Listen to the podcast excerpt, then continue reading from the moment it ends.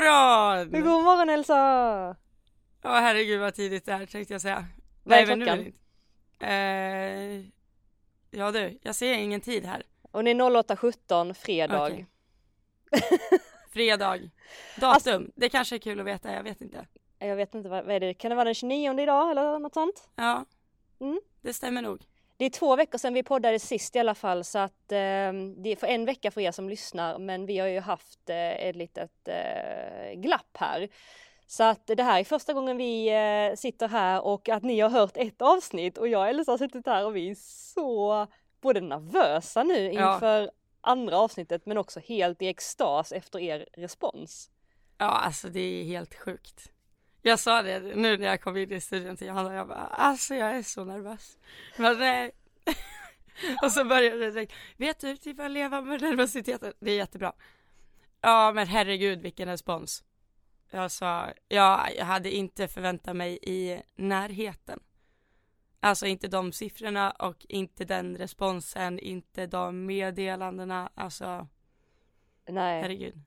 Alltså det är inte bara det att eh, ni har skrivit så här, åh, kul med podden, eh, good luck, utan det har ju varit långa, långa DMs med, alltså typ, alltså så mycket fina ord att man bara känner så att, vem skriver, alltså det här har inte jag fått. Alltså vi har ju typ känt så här, wow. Ja herregud. Eh, ja men helt enormt och eh, tack så jättemycket för alla fina ord och eh, så som ni har skrivit. Det betyder jättemycket. Speciellt när man gör något sånt här nytt. Vi visste ju inte alls var det här skulle landa. Nej, nej alltså tusen, tusen åter tusen tack för alltså absolut alla meddelanden. Och som du säger alla långa meddelanden där ni verkligen ger feedback, alltså både allt vi har gjort eller allt vi gjorde bra i den förra och vad vi liksom ska tänka på. Nej men det är guld värt. Det gör också att det blir mycket enklare att fortsätta. Verkligen. Mm. Fantastiskt. Och sen fick vi ju en chock också när vi loggade in på eh, iTunes och Spotifys topplista och vi råkade se liksom att det ligger en hästpodd överst på den här listan. Visste typ ens att det det existerar en lista liksom. Alltså Oliver, min sambo, han bara vänta, vänta, nej men det här kan inte stämma. Det var där vi låg tvåa. Eh, för första, efter första dagen låg vi tvåa på Spotify. Han bara du ligger över Joe Rogan, det är inte okej. och sen dagen därpå så var vi etta och den tredje dagen etta igen. Nej men det är helt sjukt. Alltså, Ja. Men ja, eh, tusen tack återigen Ja. och eh, men vi har ju ehm, eh, Alltså vi var inne, vi fick ju någon liten eh, kommentar också va på eh, Du fick någon liten kommentar där som eh, du skickade till mig som vi båda liksom reagerade lite på, berätta. Ja, alltså jag och Johanna skickar ju, det mesta som skickas till oss skickar vi ju till varandra också för att det är kul att båda får se. För man fattar ju att inte alla orkar skriva till båda oss liksom. Men det här var väl mer riktat till mig, tror jag. Eller? Ja, ja, Ja, eller ja. till båda. Nej Ja. men det var så himla roligt. Det var en person som hade skrivit och så, så här. Ja, Johanna är så duktig och pedagogisk och, och du är lite mer som en tysk tränare. Jag bara, men vad bra. alltså, är jag så rak? Jag tycker inte det själv. Men jag kanske är det. Alltså du är ju rak, det är du. Eh, Och, eh, och om man nu ska liksom, absolut, men det, dels har jag aldrig tänkt på det på det sättet så det var lite komiskt. Och, men som sagt jag kan ju hålla med henne, det är ju inte så. Jag kanske pratar lite mer så och du är lite mer rakare men det är det jag älskar. Alltså jag vill ju mer vara så som du. Alltså, och det tror jag många som lyssnar på älskar också, att du är rak, du säger vad du känner, du säger vad du tycker, du har tydliga åsikter, det älskar man ju. Så känner jag. Ja, alltså grejen var, det hon skrev också är att du väger orden mer. Men grejen är den att börjar jag väga orden, då skulle inte jag få ut någonting alls. För jag är ju en sån här person som kan ha sagt någonting under dagen Och sen kan jag typ inte sova på kvällen för att jag var såhär, gud, det där jag sa, var det dumt? Bara, Nej men det var nog inte dumt, eller var det dumt? Och så ligger jag så här och funderar. Men grejen är den att jag tror att jag i min personlighet är väl egentligen ganska typ sprudlande, är jag inte det? Eller? Jo, det är du. Men när det väl kommer till saker jag tycker är viktigt och så här när man bara vill få någon att förstå, då kan jag vara väldigt, väldigt rak. Mm. Men är det okej? Okay? Jag vet inte. Ja, det är 100% okej okay. du ska vara 100% så som du är. För det, om du helt plötsligt ska börja ändra dig nu och börja tänka på vad du säger, då kommer du försvinna efter ett tag. Alltså det kommer inte vara Elsa kvar. Så att det ska du verkligen göra och jag kan som feedback på det här att jag väger orden är ju, dels är jag några år äldre än vad du är, det får man också komma ihåg. Att, eh, för du och jag är väldigt lika i vår personlighet. Vi är väldigt spontana. Vi är sjukt kreativa. Vi är sprudlande, glada, så. Och jag har alltid varit lite som eh, du är förut, att jag har liksom bara gått på feeling när jag har tänkt någonting och bara fått ut det. Och jag har nog fått jobba med att tänka efter innan jag säger för att vissa saker har jag ibland också kunnat säga som blir lite fel. Eller jag kan ibland, det kan nog människor som känner mig märka ibland. Ja men du vet som när vi, vi hade ett snack första gången vi skulle prata så sa jag någonting som var väldigt oväntat för dig. Kommer du ihåg att bara jag, ja du skrattade till, du bara, jag, jag förväntade inte mig att du skulle säga det. Alltså jag har lite de här spontana. Ja, men, ja gud ja. ja det, nu något när så. du säger det. Ja. Så att jag, och jag, i och med att jag jobbar med det jag gör och det jag jobbar med är viktigt att eh, orden vägs och att det förklaras eh, liksom väldigt, väldigt pedagogiskt så tror jag att jag har jobbat med det. Så att vi är nog väldigt lika i, i grund och botten. Det är bara att jag har gjort den resan. Så tror jag det kan vara faktiskt. Mm. Men sluta inte, snälla Elsa. Eh, jättebra feedback och det är kul och eh, så, men det är bra tycker jag. Fortsätt vara tysk ja. för tisan. Alltså och för att tillägga, jag tog inte illa upp. Vi skrattade väldigt gott åt det här. Det var ja. väldigt roligt. Ja. Så, äh, ja. Sen tyckte jag vi fick en jättefin kommentar eh, där någon eh, skrev att det att vi ger en bild av att vi vill människor väl. Vi eh, har gott uppsåt. Så att om vi någon gång skulle säga någonting som kan landa fel, för det kommer vi göra, alltså vi kommer säga mm. saker och ting som någon kommer eh, kanske ta illa vid sig av eh, eller bli stött eller på något sätt utan att vi menar det. Och det är ju så för att man har ju olika erfarenheter, man kommer från olika eh, känslotillstånd. Någon som lyssnar på vår podd nu kanske precis har bråkat med sin pojkvän, kanske precis har förlorat någon i släkten. Någon annan kanske precis har fått ett jobberbjudande eller skrivit A på ett prov. Så att, och vissa har, har precis haft en fantastisk tävling medan andra kommer, alltså och man har så många olika erfarenheter och så många olika tillstånd så det är klart att vi kommer beröra både positivt och negativt. Men vi vill verkligen säga att om det är någon som känner någon gång att vi säger något som landar illa så har vi aldrig något ont uppsåt. Mm. Ju. Och det var någon som bekräftade det när vi, vi fick den kommentaren att hon såg det och jag tyckte det var så fint skrivet och det vill vi bara bekräfta och säga att så, så är det. Mm, verkligen. Alltså förlåt, jag är jätteförkyld och nu har jag en bubbla i halsen. Men jag håller, eller ja, det är klart jag håller med dig. Alltså vi har ju såklart aldrig det vi säger här har ju vi liksom inte riktigt planerat att säga. Nej. Nej.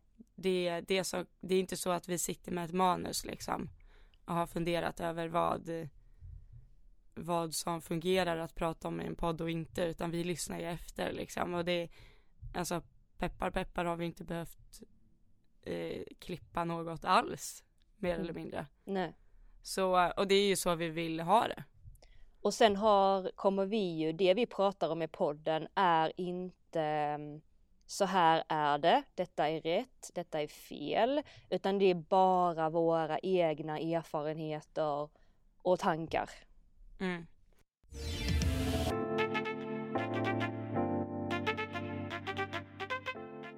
jag, eh, jag brukar säga det till folk som jag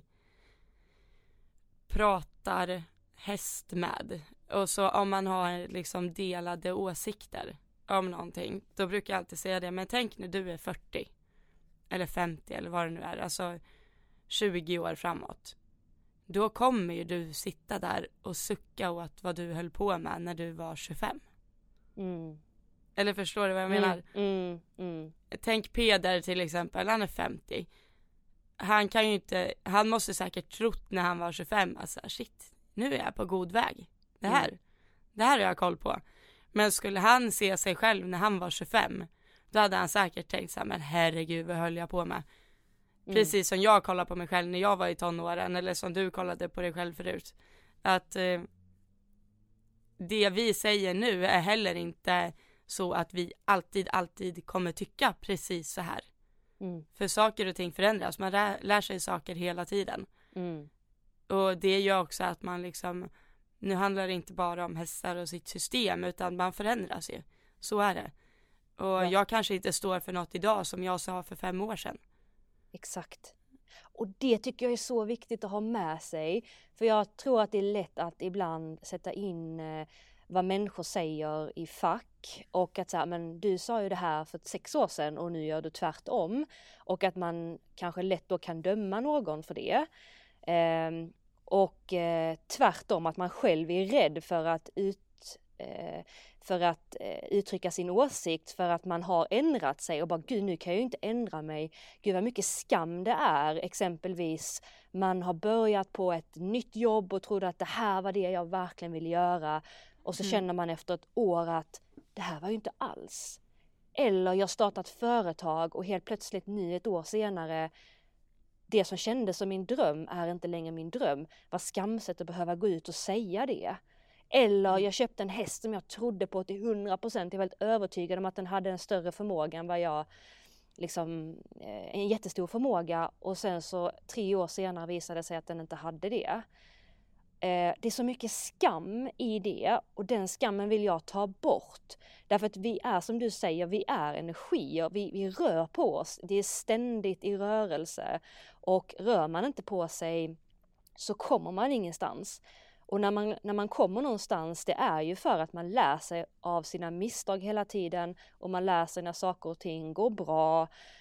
Så jag tyckte det var så bra som Jens sa också i den intervjun eh, efter världskuppen där efter sin placering att när han tittar tillbaka på gamla videosar när han rider så är det liksom som att han tänker så, eh, alltså herregud, hur red jag typ? Och det är så fint. För, mm. Ja, och för att tillägga, det var ju när han red liksom Lunatic och då red han ju fortfarande 1,60 internationellt så det var inte så här herregud hur red jag den där 1,20 in i, Nej liksom 89. Nej, det var ju inte riktigt så utan det var ju verkligen när han fortfarande var på väldigt, väldigt hög nivå. Men ja, det var kul att höra och se. Och det där, det har vi varit inne på förut, att jag uttalar ju mig mycket på min Instagram om just träning liksom och träningstips och gud förlåt min förkylning igen. Eh, vad var jag inne på? Jo, men till exempel om jag har en frågestund och så kanske jag fick en liknande fråga, det här minns ju inte jag, men fick en liknande fråga 2018 eller 19. Vad ska vi ta för exempel? Kanske om man pratar om vilket bett man använde eller om jag red på gramman eller vad det nu kan vara. Eller om jag kanske har lagt ut att jag har slutat rida den här hästen på gramman. Jag rider den aldrig på gramman, inte för att jag rider dem med det jättemycket, men det händer eh, så kan det ju alltid vara någon så här, men du sa ju förut att eh, du hatade det här. Och då blir jag så här kluven. Hur, hur ska jag hantera det svaret? Mm. Ja, för dels, typ som Bell, min, eh, den hästen jag haft som längst. Hur gammal är hon? Den rider jag alltid ut med gramman på sidan, alltså jag knäpper den på sidorna. Mm. För de som inte känner till Bell, hur gammal är hon? Hur länge har du haft henne? Hon är åtta år och jag har haft henne sedan hon var fyra år. Eh, så jag har utbildat henne själv och jag fick henne när jag var 18 och eh, ja, det var ju en väldigt dålig kombo. Jag tänkte att, eh, ja, en Balloder och det väl stor som är 1,74 hög. Det är ju typ det bästa man kan ha. ja, det absolut sämsta man kan ha till en tjej som har haft en stor häst innan och ja. Nej, det var ju katastrof. Så det var ju ganska många år av katastrof och sen fick jag hjälp av Linnea Eriksson och eh, nu är vi lite på spåret igen. Ja, nu har ni ehm, startat några 1.30 kan ja, man säga. Precis. Och gjort det väldigt ja, bra. hon har varit felfri 1.30 och är jättefin. Ja. Men hon är ju liksom egen. Jag har ju tyvärr vad ska man säga, jag har ju gjort så mycket fel med den hästen så det sitter ju kvar. Det är ju som att hon har, på hennes instrumentbräda så finns det lika många fel Oj förlåt, alltså herregud. Nej men kör, säg inte förlåt. Alltså vi, vi får vara åsikt, ja. lite överseende med att du hickar till och får bubblor i halsen och så. Bara ja. kör Elsa, be inte om ursäkt. Nej men alltså på hennes eh, instrumentbräda så finns det ju lika många så här, gör fel-knappar som göra rätt-knappar. Alltså jag har inte så mycket utrymme för misstag ens i markarbetet. Är det en tygel som glappar lite eller rider jag henne inte tillräckligt mycket framåt, alltså då eh, utan att skämta då slänger hon av mig. Alltså mm. då lägger hon en bock och vänder. Mm. Eh, och då har jag ju vart jag skulle landa i. Då har jag ju gramanen när jag rider ut på sidorna för att hon inte ska kunna dra huvudet åt sidorna. Och, men jag har ändå sagt på Instagram att jag gillar inte att trimma henne på graman för det jag är mer beroende av att hon sitter på ändan än att hon har huvudet där jag vill. Eh, och vart huvudet är är egentligen bara ett resultat av hur benen rör sig. Så ja, strunt i samma. Men då har jag det när jag rider ut. Men jag tar kanske alltid en bild utanför stallet för det är där jag hoppar upp oavsett om jag ska ner till banan eller rida ut. Mm. Så jag förstår ju på Instagram att det ser liksom Det ser ju ut som att jag säger en sak och gör en annan men det är ju inte riktigt så. Mm. Och då ska man sitta där och förklara sig i tio rader. Mm. Du, du känner inte det? Jo, jo, jo absolut. Alltså jag har, jag har ju gjort mycket saker förut som jag inte kan stå för idag. På allt, mm. alltså på det personliga planet, ridmässigt, tankemässigt och eh, så. Så att, Eh, och det tror jag vi alltid kommer göra som du var inne på där i, i början att eh, när man är 70 år gammal så ska man nog klia sig i huvudet och undra lite vad man höll på med som 25-åring eller 40-åring också för den delen, för att vi lär ju hela tiden. Men det jag tycker vi ska bli bättre på, det är att inte skämmas för att man gör misstag. Skämmas för att man hade fel. Där, oh, jag vill dela en grej. Jag kan inte berätta hela historien nu med, med eh, exakt eh, vad detta handlade om. Därför att det är, eh, och det är inte liksom för att det är någonting jag skäms över, utan det är bara för att det är så ehm, det, det, passar inte sig att prata just nu om det i podden. Så att jag kan liksom inte säga exakt vad det handlar om, men jag vill ge, ge poängen i den då, för jag tycker den är viktig. För det här är någonting jag inte hade kunnat göra för många år sedan. Eh, och det hände nu i helgen. Och eh, då hamnade jag i en situation där jag kände mig lite mm, pushad eh, och egentligen inte av en annan person utan det var nog jag som satte den pushen på mig själv. Och den pushen i det samtalet med den här personen gjorde att jag sa någonting som inte jag 100% kan stå för. Eh, och när jag sa det här till den här personen, det var ingenting som den personen märkte eller jag var jättetrevlig och sådär. Men det jag sa rimmade inte riktigt med min eh, filosofi. Plus att det beslutet eller det jag sa till den här personen skulle faktiskt ha en negativ påverkan förtroendemässigt åt en tredje part som jag hade pratat med innan. Man kan säga att jag gjorde något som var lite olojalt, om man säger. Eh, och efter då, för då hade jag en ganska lång väg hem, så eh, tänkte jag på det här, vad jag hade sagt. Eh, och bara tänkte så här att, vänta nu Johanna, det du sa nu, det innebär att skulle du fullfölja det du sa nu till den här personen, så skulle det vara illojalt mot en annan person du har pratat med tidigare. Och du skulle gå emot din plan och din grundfilosofi.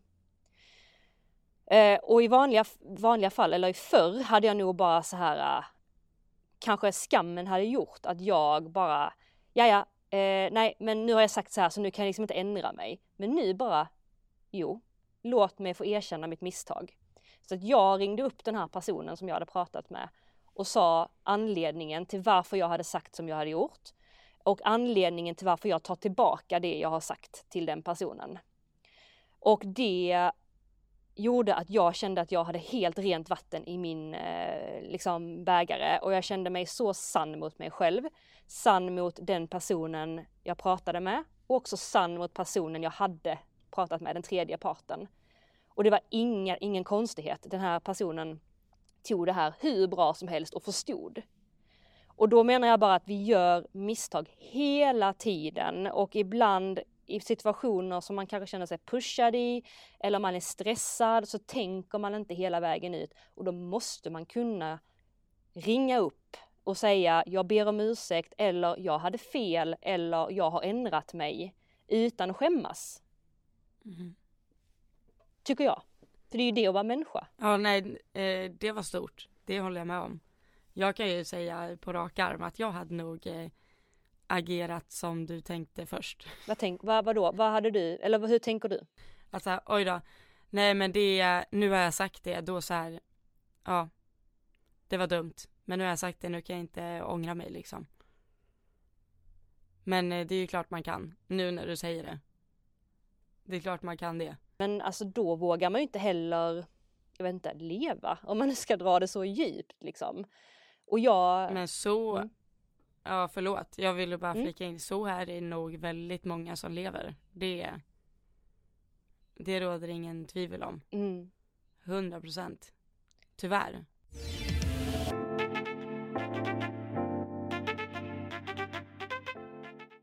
Men tänk om när eh, någonting som är mycket ny, det är ju den här cancelkulturen.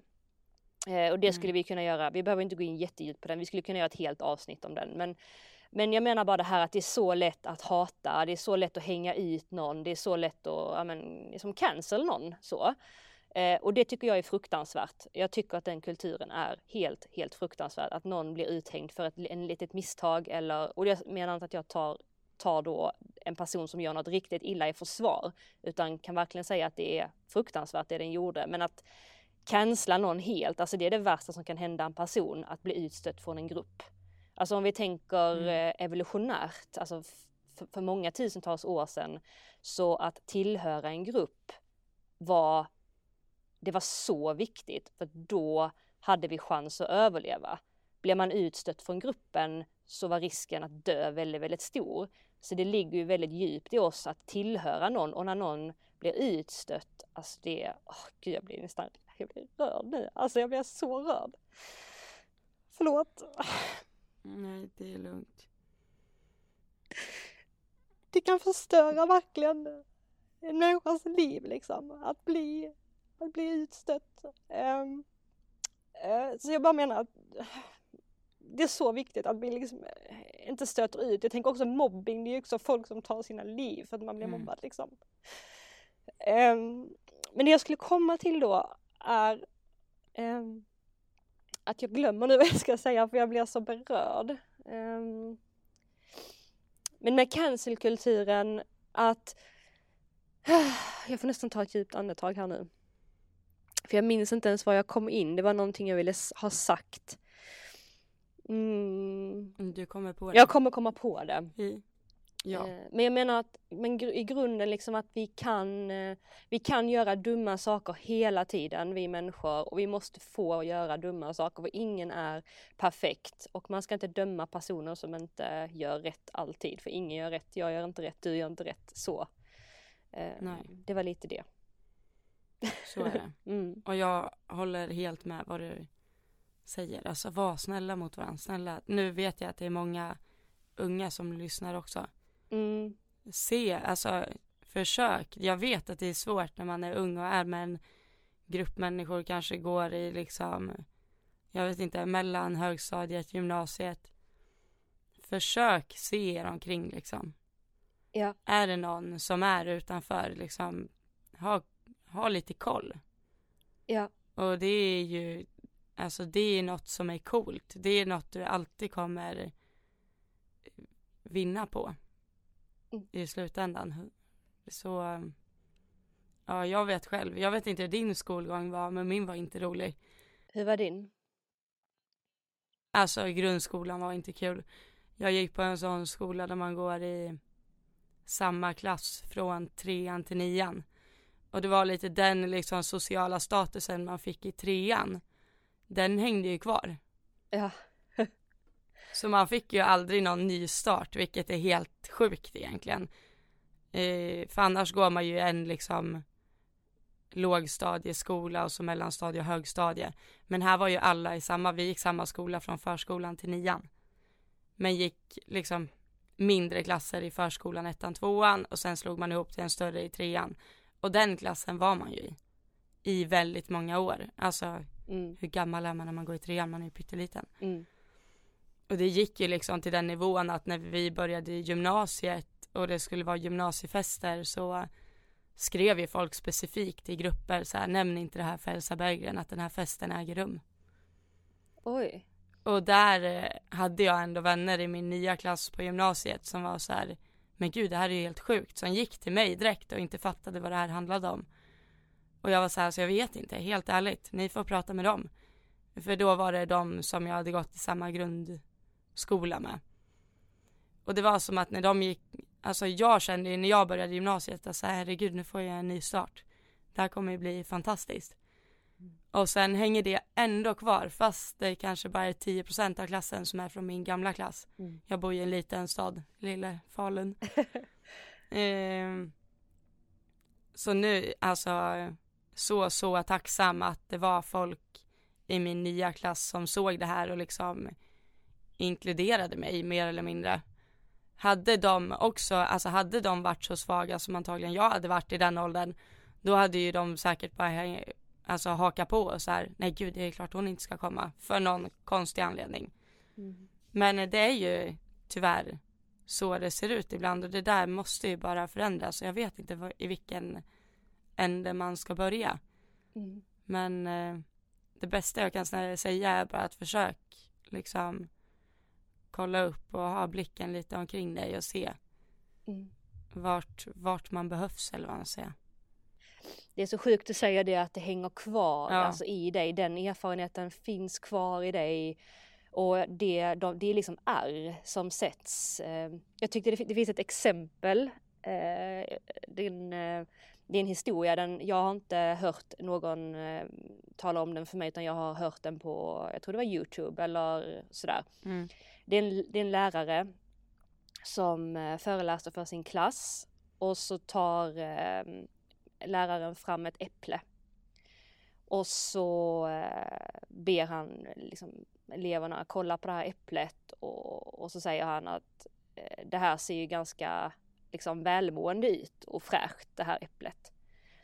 Och sen så tar han det och så eh, stöttar han det liksom mot sin kateter och, Mm. och liksom kastar det och, och sådär.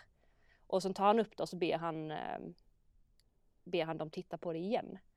Och då ser man inte eh, liksom eh, så mycket utan det ser fortfarande ganska bra ut liksom på håll så och det är intakt. Men sen om man delar på det liksom Mm. sen så ser man ju, för det brun, brunar ju ganska snabbt Mm. när man stöter det liksom. Och, och, och delar man äpplet så ser man att det är ganska brunt på sina håll. Och samma sak är det ju när vi är elaka mot andra människor, att det syns inte alltid på ytan att den här personen mår skit. Eh, eller att den här personen tar åt sig eller att den här personen blir ledsen därför att vi alla försöker ju hålla upp någon form av fasad. Alltså om vi visar oss svaga det är också så här evolutionärt, liksom att de svaga fick inte vara med därför att de kunde inte hjälpa till och eh, liksom gå in i strid och hålla gruppen levande. Så att man stöter alltid ut de svaga. Och det är därför som man inte vill visa sig svag för andra människor, liksom, för att man är rädd att bli utstött.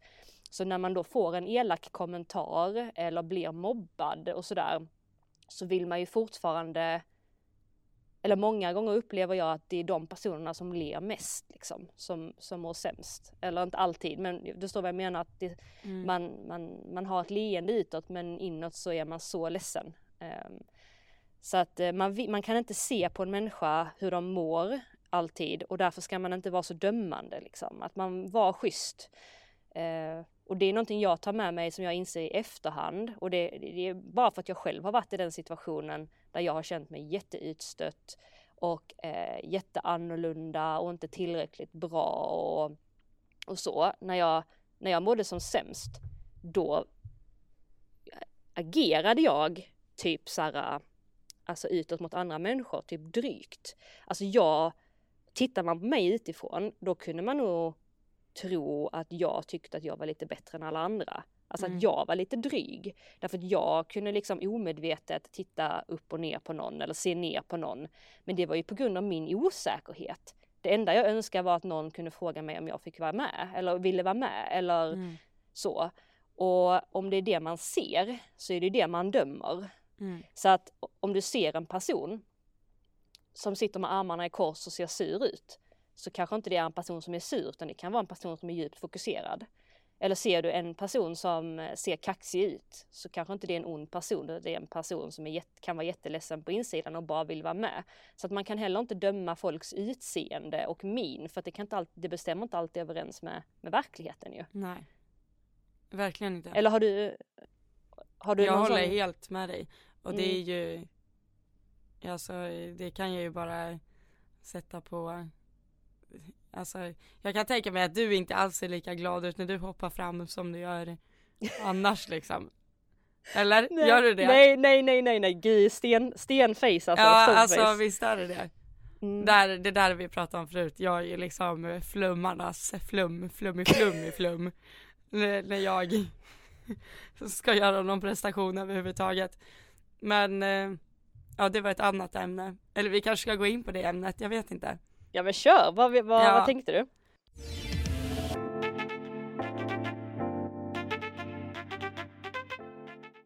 Nej men det var så roligt för Johanna var ju faktiskt i Falun, eller inte i Falun men i Borlänge. Jag var inte för... i Borlänge, jag var i Borlänge. Ja, ja. Du var i Borlänge. Jag vet inte ens hur man säger Borlänge på talmål. ja. Borlänge. Borlänge. Ja. ja. Du var i Borlänge i alla fall för du hade föreläsning på Gagnets ridklubb va? Ja. Mm. Som jag också var på. Jag hade en så här fullspäckad Johanna-dag. Det var jätteroligt. Vi såg för första kvällen... gången då. Ja, det mm. gjorde vi. Mm. Precis. Men först det började med att kvällen innan du kom upp så kollade jag på din klinik, alltså din webbklinik. Jättebra förresten. Tack. Eh, den borde ni se.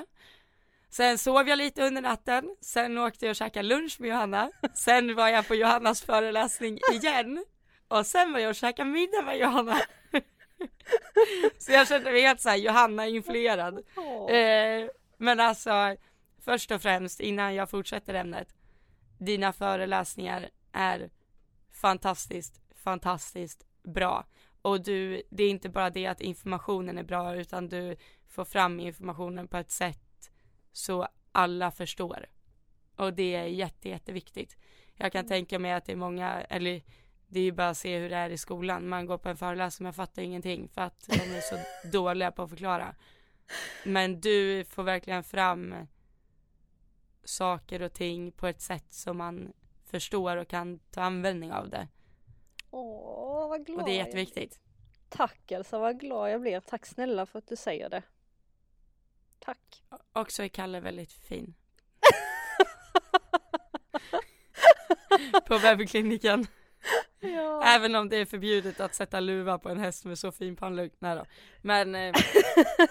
Ja faktiskt, du sa det till mig att jag aldrig får ha luva på Kalle igen när du såg hur söt han var med pannlugg. Ja han och jag, är så gullig. Ja jag var på en fotografering i förrgår då tog jag av luvan för att eh, jag lyssnade på det du sa. Så nu ska jag också tävla lite ja. utan luva. Så där. Mm. Du, ja. du inspirerar mig. Så det var min Johanna-dag där förra veckan var väldigt, väldigt bra och inspirerande. Eh, men då satt vi i alla fall på middag och sen hade jag en kompis till mig med mig också. Just Som har varit med mig på en del eh, tävlingar. Och hon sa ju det till dig Johanna att liksom du hade ju fått panik om du såg mig på en framhoppning. För jag har ju liksom Jag har inget som heter fokus. Det liksom existerar inte. Och jag försöker verkligen, alltså jag försöker ibland men jag är ju dum i huvudet när Nej. det kommer till det. Jo, alltså du kan inte säga emot här. För jag satt på framhoppningen till Strömsholm. Skulle hoppa en 1,30. Det är ganska mycket folk där inne och lite så här halvhöjdare. Eh, eller helhöjdare också. Men, och du vet, och jag tycker bara jag känner igen en häst där på framhoppningen. Och jag kan inte tänka på någonting annat än att det där ser ut som en häst som jag har tävlat förut. Så jag måste ju fråga. Alltså, jag är ju en hemsk person. Men då gör jag ju det. För jag måste ju veta vad det där är för häst. Jag tycker så synd om den ryttaren men jag, alltså mitt under framhoppningen, jag bara, du, psst, ursäkta, vad heter din häst?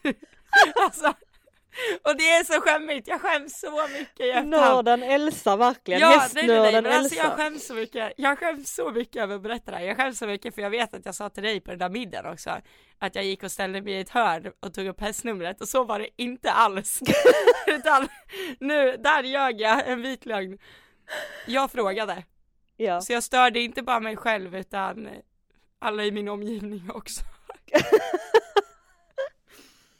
Och sen gick den personen in och stannade ut sig på ettan för att du hade ja, förstört precis, dens framhoppning totalt. Det är, där, det är där jag kör. Det är viktigt inte att man själv vinner utan att alla andra förlorar. Det där sa jag inte. Det, så sa så sa alltid en person till mig förut. När jag skulle tävla. Jag tänkte bara bra. Precis så vi ska tänka. Ja, verkligen, föredömligt.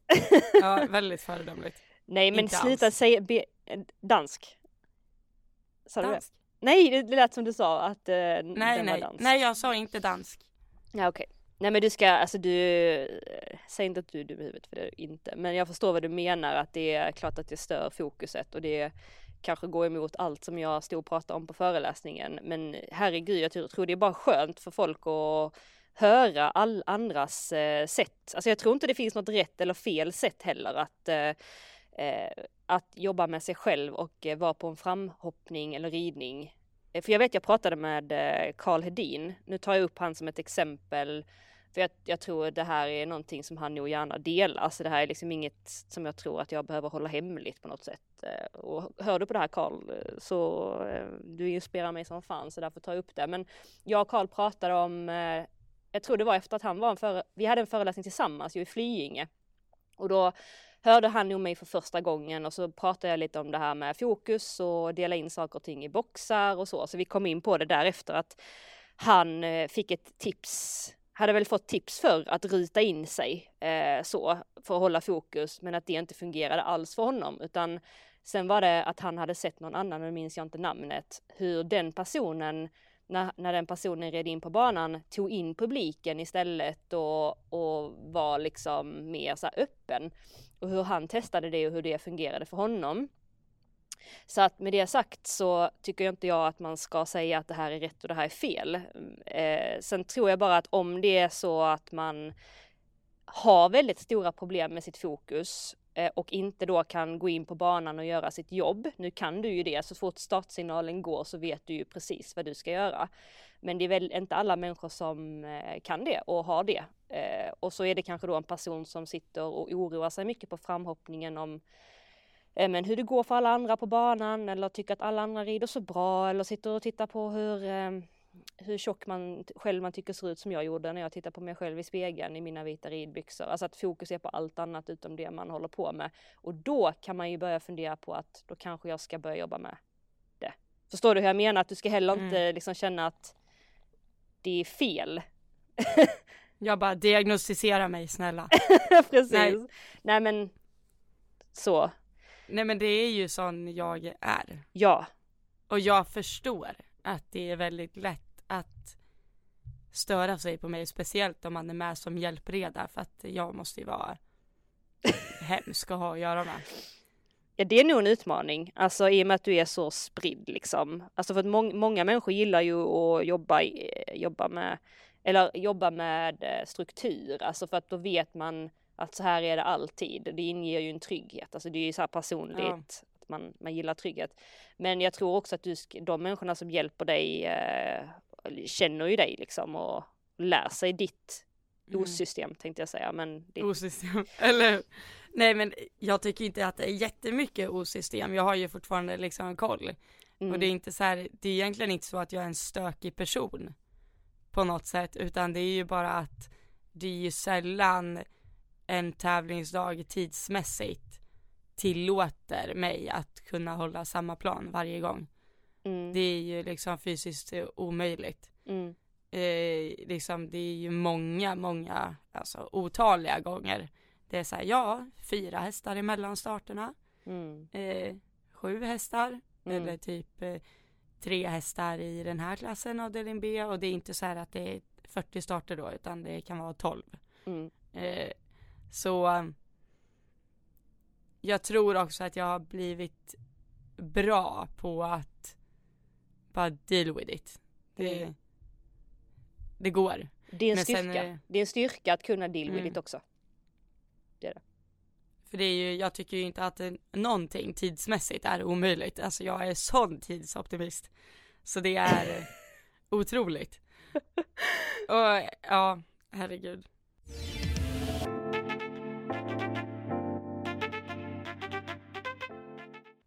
En sak jag eh, tänkte på eh, när jag var och tävlade för två veckor sedan. Jag bara, mm.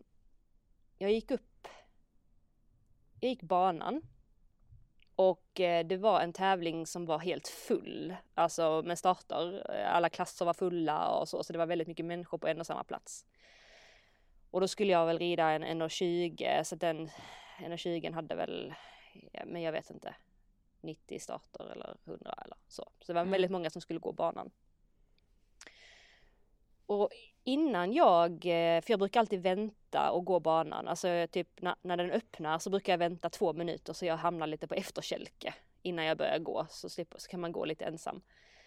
Och då bara stannade jag upp och så bara slog det mig hur sjukt tacksam jag kände mig över att den här bangången var fullproppad med människor. För jag fick en sån flashback för ett år sedan nu med, pandemin och alla tävlingar som var inställda och de tävlingarna som sen körde, vilka restriktioner det var. Det stod folk och släppte in bara typ åtta personer när man skulle gå banan och det var avspärrningar och det var det var så en så mörk tid tyckte jag. Jag tyckte det var, det tyckte vi alla ju var så jobbigt. Men att nu bara wow, tävlingarna är fulla. Jag bara fick en sån, gud vad jag känner mig tacksam. Mm. Nej det är sjukt. Eller hur? Jag bara noterar mest, jag bara gud du hinner gå banan. Fantastiskt. Ja vad roligt. Nej men Nej jag håller helt med dig. Men däremot måste jag ändå typ flika in med att jag, alltså det var klart jag märkte av pandemin. Jag jobbade i butik den tiden också. Mm. Så jag märkte av pandemin i allra högsta grad. Men inte på tävlingar på det sättet. Mm. Jag var ändå väldigt så fritt på Sundbyholm och vilka mer tävlat. Jag tycker typ jag tävlade en del under pandemin. Men jag kanske inte gjorde det. Mm. Eller så var det att jag liksom kom igång när det var utomhussäsong och då var det väl lite lättare, var det inte det? Jo det var lättare, precis en period, då släpptes ja. ju nästan allt några månader och då var det Och lugnt. sen har det ju sagt mig att vi som är företagare fick ju tävla ändå. Ja, det fick vi. Eh, och det fick ju inte, ja vad ska man säga, inom situationstecken vanligt folk. Precis. Eh, göra, så det där är så, jag vet att jag kollar på en häst eller något sånt där och jag bara gud den en start på ett år typ. Mm. Men det var ju det, det var ju svårt att få till för det var ju inte öppet för allmänheten liksom. Nej. Och sen var när det... öppet för yrkesverksamma. Yrkesverksamma, exakt. Mm. Och sen nu i höstas ju när tävlingarna öppnade för alla, eller i somras, eller nu kanske jag är fel i mm. tiden, men när det öppnade, då var det också väldigt länge det var publik, publikfritt. Alltså farmor och farfar ja, fick inte det. komma, mormor och morfar fick inte komma, man fick bara ha med sig en medhjälpare. Så det blev ju också att ja. tävlingarna uppfattades så döda liksom, alltså så himla mm. tomma tyckte jag. Och, och, det var bara det som slog mig att oj, vi är så många under samma tak här nu för det var ridhus. Eh, att det var, det bara, jag slog mig av tacksamheten att eh, mm. nu kan vi samlas igen. Vad fint. Har du tänkt på en sak? Nej. Det kommer vara Falsterbo med fulla läktare i år. Jag fick en rysning när du sa det nu. Och GCT i Stockholm. Nej det är faktiskt ganska fantastiskt. Det är, Wow. ja. Ah gud, både Falsterbo och GCT ska ju både du och jag till. Vi har ju, Ja. ja det har vi ju sagt. Herregud.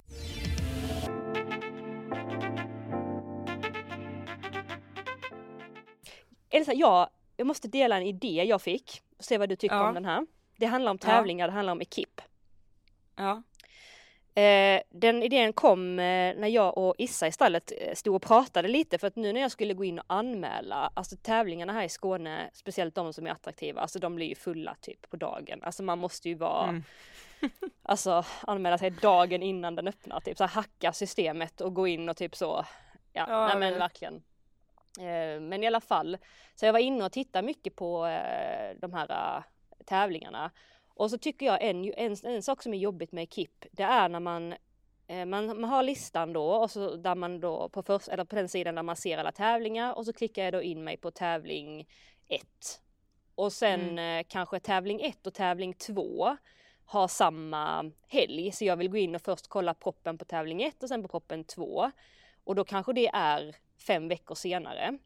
Så att när jag har kollat ettan så går jag ut igen. Då måste jag liksom scrolla ner igen till den Ja, jag veckan jag var vet. på. Alltså jag vet. Jag vill bara komma tillbaka till samma vecka. Så redan där bara så. Men så slog det mig. Hade det inte varit skitsmidigt, på tal om, inte exakt det här men en, en annan grej.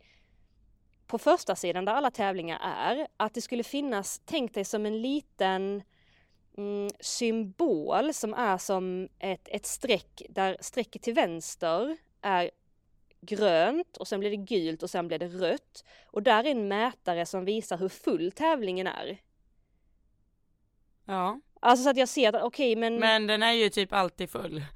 nej men jag menar längre liksom, det, alla, alla tävlingar är ju inte fulla, alltså det är ju de här topptävlingarna. Nej men det är det inte. Nej det är sant. Men alltså jag kan se så att, se att den här är röd, då går jag ju liksom, då vet jag det, eller oj nu är den här gul, nu måste jag skynda mig att anmäla om jag vill vara med här. Mm. Alltså att man slipper gå in och kolla utan man bara ser på första sidan vilka som är fulla och vilka som eh, har mycket. Eller det var bara en idé vi pratade lite Ja. om, vad tror du om det? Absolut. Ja den är ju bra men jag upplever ju att det är lite så att eh, antingen är det liksom 150 anmälningar eller så är det så här 400. Det är liksom ingen mellanläge. Alltså antingen blir de fulla direkt eller så kan man i princip efteranmäla sig dagen innan. Mm, kanske sant i och för sig när du säger, ja vi har också lite så ja. Det kanske, För jag kan tänka mig att det är några tävlingsplatser liksom, det är som här uppe, då är det ju Sundbyholm blir full mm, direkt. mm. Typ Strömsholm blev också full direkt. Alltså eh, och sen är det ju de här regionala runt omkring som är ganska lugnt liksom. Mm, mm. Det kanske var en värdelös idé. Nej men den Så- är, alltså den är, den är väldigt bra. Men jag tror inte anmälningarna är så utspridda. Nej, sant. Eller de kanske är det, jag vet inte. Nej, jag vet inte heller. Mm. Men på tal om Ekip, vi... Eh, det, sen sist vi poddade så precis, vi har tävlat och sen hade vi ju en Mm. helg, nu i helgen tävlar ju ingen eh, av oss. Ja, jag försökte tänka om jag tävlade men jag gjorde inte det. Jag tävlade helgen innan. Jag ska tävla nu på tisdag som fyra dagar. Exakt. Så här kvällstävling, alltså finns det något bättre? Åh, älskar kvällstävling. Är det bara Och de avdelning B också? så- Eller? Ja, bara avdelning B. Åh. Bedömning A, 91 meter genom 10 och 20 genom 30. Fantastiskt upplägg. Älskar. Mer sånt. Älskar, älskar, älskar. Mm. Mm. Jag eh, skulle ha tävlat i helgen. Förra helgen alltså. Men Mm. jag eh, struntade i det faktiskt. För att eh, jag kände två, eh, två dagar innan att eh, jag hade jobbat så jättemycket. Jag hade varit eh, väldigt, väldigt stressad och jag hade sovit lite dåligt, haft mycket att göra. Så jag bara kände så att jag behöver den här lördagen helt tom. Alltså att bara inte göra Mm. någonting. Och då kände jag först så här, åh gud men tävling, tävlingar det är det bästa jag vet, det älskar jag att göra. Alltså det är typ det, om jag får välja en sak att göra i mitt liv, nej men typ så är det verkligen, jag älskar att tävla. men jag bara kände mig typ så stolt över mig själv att jag bara kände att nej, det blir inte bra därför att då kommer jag inte få sova ordentligt. Vi hade jättemycket att göra på fredagskvällen också och det blir inte bra. Jag kommer inte kunna ge hästarna det de behöver 100% och jag kommer inte vara där. Så jag, ehm, jag sket i det faktiskt. Och mm. Eh, hade den lördagen helt, eh, helt fri. Och då är det så intressant för att på lördag förmiddag då skickar en av mina absolut närmaste vänner, eh, Micke Gunnarsson heter han, han är också ganska stor på sociala medier, han är skitduktig, om ni inte följer honom så följ honom, han är så klok och bra, också föreläsare. Eh, han bor i Ronneby så vi ses aldrig, men vi har typ såhär Zoom-möten eh, någon gång i månaden. Och då skickade han eh, till mig på lördag morgon att eh, fastän jag och min, eh, hans tjej då, eh, åker förbi Ängelholm eh, och vi ska ner till Helsingborg och göra en grej. Vill du Andreas hänga med typ? Eh, och då skickar jag tillbaka till honom sen för jag ville ju det egentligen jättegärna. Jag bara, men nej alltså jag behöver vila. Så jag bara, vad jobbigt nu när vi kan ses liksom och han erbjuder. Men då skrev jag, eller skickade tillbaka till honom att jag behövde vila och berätta liksom allt vad jag kände och så. Och då skickar han tillbaka liksom att fasen vad jag är glad att du säger det och eh, helt rätt. Och det är mm. så skönt att få den bekräftelsen från någon att bara säga fasen vad bra, det är okej. Okay. Du behöver inte hänga med oss utan gör det du behöver. Mm. Jag tyckte det var så fint sagt eh, mm. av honom. Ja, verkligen. Jag bara en lördag. Tom. Ja. Man hänger ju i stallet men alltså. Den. Ja precis, man åker ju alltid till stallet oavsett. Ja ja, men det är ju Men eh, jag hade också sett fram emot att kunna ha en dag i veckan som är kanske inte sju timmars jobb. Kanske. Men, har du ingen eh, ledig dag alls? Nej. Men har du inte en dag liksom, det är klart att vi måste ju till stallet varje dag, där har jag ju heller inte ledigt, alltså så. Nej, nej precis. Men har du eh, har du inte en dag där du liksom dina hästar gör mindre då så att du kan? Jo, eh, det har jag, men jag har ju fortfarande typ så här 11 12 stycken nästan på mitt schema. Så skulle alla vila samma dag, då har jag sex dagar av rent, det får man inte svära, men då har jag sex dagar som är tio timmar långa istället. Oj. Mm. Eh, för det är lite, då kan man sprida ut det så två hästar vilar idag och två nästa dag och det är liksom lite det som gör att det går ihop. Men nu är det för mycket hästar också. Eh, så jag måste tömma lite. Mm. Det, det stämmer. Men eh, nej, så jag måste få bättre plan på hur vardagen ska se ut. För det är ju så, vissa dagar så är man ju bara så här, åh, herregud. Mm. När man väl är igång och kör och rider liksom häst för häst, då är det ju jättekul. Men det är när man står där och vet bara så här, gud nu ska jag jobba två timmar innan jag ska ta in och ens börja rida. Det är där det bara, uh. mm. Ja. Men man gör ju det i slutändan. Jag älskar att göra det och det är fortfarande tusen gånger bättre nu än vad det var för några år sedan när jag bara, då kom jag ju hem efter att jag hade jobbat nästan två år med hästar och då var ju bara slut liksom. Alltså, jag tror aldrig jag, jag trodde aldrig jag kunde vara den personen, du vet som så här trycker en Netflix-serie på två dagar och så här sju Netflix-serier på en vecka typ. Nej men alltså det kändes ju som det. Mm. Och jag kom hem där till mamma och pappa och jag bara, de sa vad ska du göra? Jag bara ligga i soffan. det är vad jag ska göra. det stod också det liksom tre veckor framåt också så, det finns inget ja, annat Ja nej men jag hade ju fortfarande två hästar hemma då men det var ju väldigt skillnad att ha två hästar än att jobba i stall liksom. Gud. Utomlands och sådär. Ja det var ju enorm skillnad. Man var ju lite trött i kroppen då kan man ju lugnt säga. Du behövde ju också verkligen det, alltså du behövde soffan och Netflix ja. liksom. Eh, de... Och det blev ju nytändning efter det och jag tror att och någonstans, det tror jag jag har sagt till dig förut också att jag har ju haft, för du har väl inte haft något hästjobb riktigt på det sättet som jag har jobbat? Ett bara, en, jag var, jag, jag var ett sånt här försäljningsstall typ vid gymnasietiden men i, ja. och någon praktik och så, nej inte som du har på det sättet. Nej. Uh, och någonstans där så tror jag jag kom till en vändpunkt för det var som att jag gjorde Jag kom hem efter att jag hade gjort lumpen i att Har du gjort rida, lumpen? Liksom. Nej! Nej du menar i Men-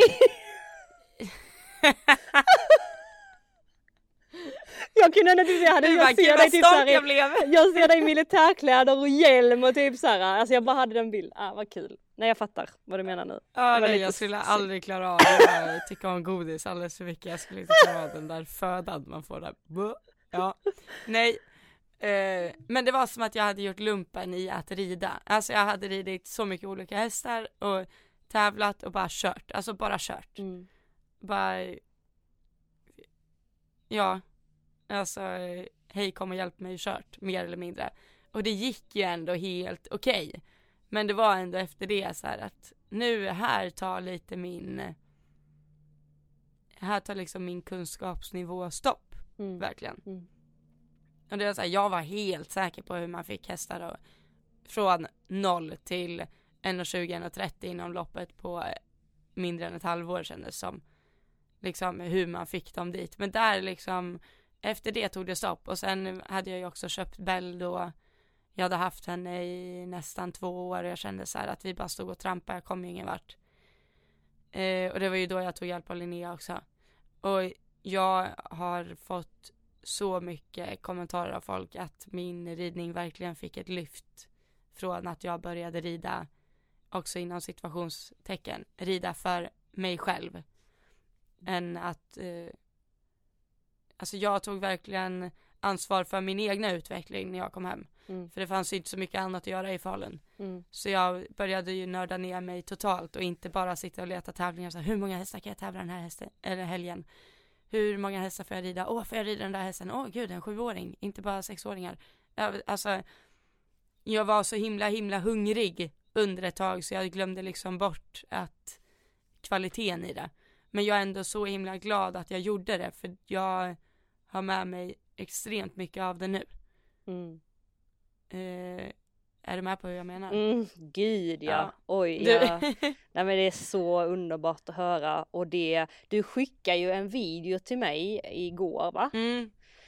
Eller i förrgår. Ehm, Ja, jag kom in på det nu för att jag satt och så scrollade igenom hela min Instagram. Jag tror jag letade efter någon bild på någon häst.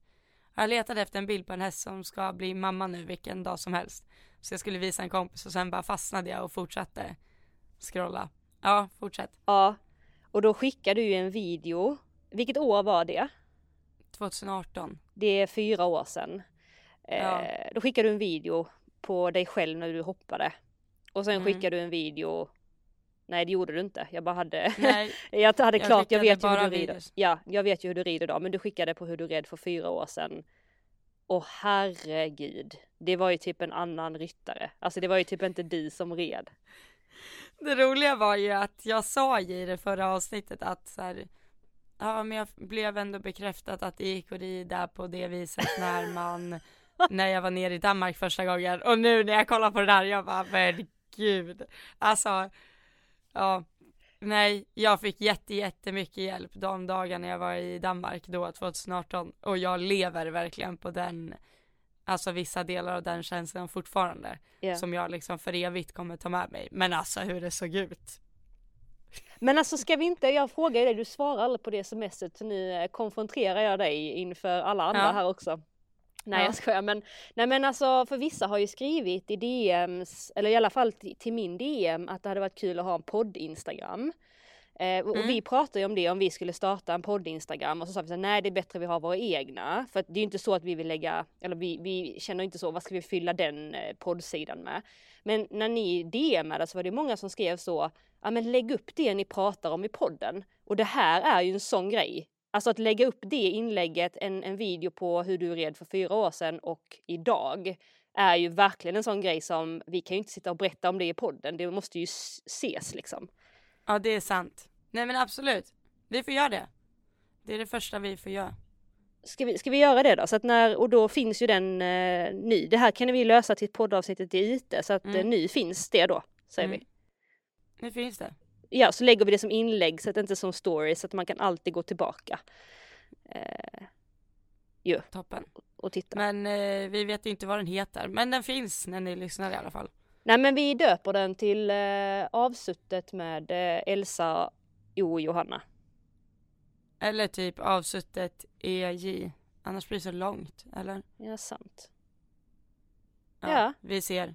Vi Skriv ser. avsuttet så Men vi kommer det skriver, vi skriver avsuttet med Johanna och Elsa i liksom underkategorin så Ja. söker man på det så får man ändå upp namnet. Så kan vi säga. Så Smart. ser vi vad vi döper den till. Här Ja, är det någon som är eh, avancerad på Instagram hör jag. absolut. Något.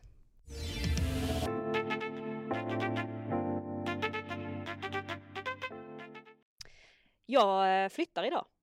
Ja just det. Eller jag flyttar alla saker idag till det nya stallet och imorgon flyttar jag hästarna. Ja, du tog mitt tips där. Ja, Ja. det gjorde jag. Mm. 100 procent. Du sa att du gjorde så. Att du tog Mm. alla grejer och sen tog du bara hästarna dagen efter.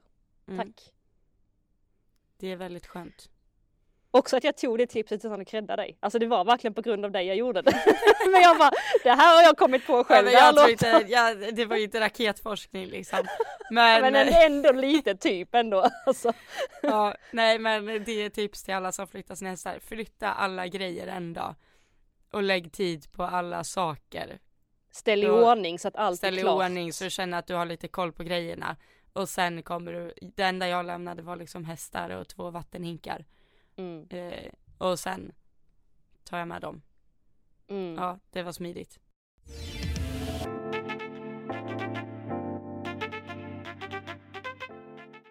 Eh, men eh, jag tänker så här, vi har ju snackat eh, en dryg timme här nu så vi tänker väl att vi, vi avrundar för veckan va? Ja, det låter ju hemskt. Vi eh, samma sak igen. Jag har inte tagit upp någonting jag hade på min lista.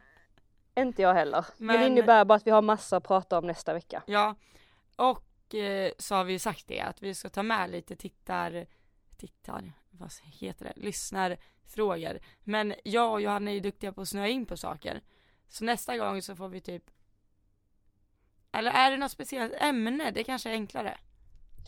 Alltså, ja men vi har ju sparat ner det ni har skrivit, typ, vi har sparat några case som ni har skrivit in, Mm. vi har sparat några ämnen så att vi kommer ju komma in på det. Men vi känner inte oss stressade utan vi pratar som, om det vi känner för, för dagen tycker Ja. jag. För då blir det äkta eh, och inte krystat liksom. Eh, för det vill vi ju inte. Nej. Och sen vill vi, vi sa ju förra veckan att vi eh, kommer ju satsa på det här med Swish nu. Och Mm. det är ju faktiskt folk som har swishat in eh, redan och utan att vi ens nämnde vårt nummer. Ja, Ehm, Elsa kan du ta upp numret där så Ja. att inte min dator hänger sig igen. det var ju det som hände ja. Ja och vi Eh, har ju och vi har ju skrivit in, nu finns ju vårt swishnummer i, ehm, i beskrivningen både på podden Ja. och avsnittet. Och eh, ja, vad har vi för nummer? Då ska ni få höra numret som är det Ta upp absolut, anteckningar nu, det upp anteckningarna absolut nu. värsta numret. Tyvärr. Ett. Vi får hitta på en ramsa. Ja just det, alltså det är, det är ett så illa nummer. Eh, 1, 2, 3 29, 81 2, 3, 1 Så där säger man inte ett nummer. Jag gör om. 29, 29 81 231, det rimmar ju. Gör det det? Ja, säg det igen. 1, 2, 3. 3 29, 81 2, 3, 1 Jag tänker bara så här. 29 81 231. 29 81 231. Ja, du låter som en så här skitjobbig eh, sån här Mekonomen direkt, ja det är Karin. Ja. Det är nummer du ska nå. Ja, nej, ja. Oh, nej gud, jag har ringt Annikura alldeles för mycket för att jag ska kunna tåla den där tonen i mina öron. Åh, Vet du hur Gud. dyrt det är att åka till veterinären med en hund? Det är en, Fruktansvärt. Ja det är helt orimligt, alltså 7500 för en plåt. Åh herregud. Ja. Det är tur man har hästar då, det är ju mycket billigare. Ja, precis. är du komiker? Jag är komiker. Men- Nej men så här, vi dock, det var en jätte, en tjej, eh, jag kommer inte ihåg hennes namn men du lyssnar ju på det här för du lyssnar på podden. Hon skrev till mig på DM så här. Åh, jag eh, lyssnar på er podd, jag bor utomlands jag kan tyvärr inte swisha, kan man stötta er podd på ett annat sätt? Alltså så himla gullig, jag dog när hon skrev det. Och det var fler som hade skrivit så, åh ni har inte lagt ut swishnumret, kan, vad- hur kan Ja, man? Alltså, alltså, tack, vad söta ni Ni, är! Och ja, helt. minsta lilla typ så här femma, tio, alltså bara, vi, ja. har ni fått med någonting och känner att fasen var kul, jag vill fortsätta lyssna, Mm. ge ett litet bidrag så blir vi skitglada. Och nu ska vi inte tjata mer om det. Nej. Eh, så att, tack snälla för att ni har lyssnat och eh, Elsa du och jag hörs ju eh, snart igen va? Det gör vi. Och under tiden fram till nästa avsnitt så kan ni hitta oss på Instagram och våran podd Instagram som vi ska göra. Men vad heter du på Instagram? Johanna Lassnack. Och Jag heter Elsa Berggren SE och sen får vi våran podd Instagram också. Och den, om ni söker på avsuttet med Elsa och Johanna så ska ni få upp den. Tusen Yes. tack, ni är fantastiska, vi är så glada. Tusen tusen tack och ha en jättefin vecka och Johanna du får en jättefin helg. Du också. Tack. Toppen. Puss och kram! Puss hej!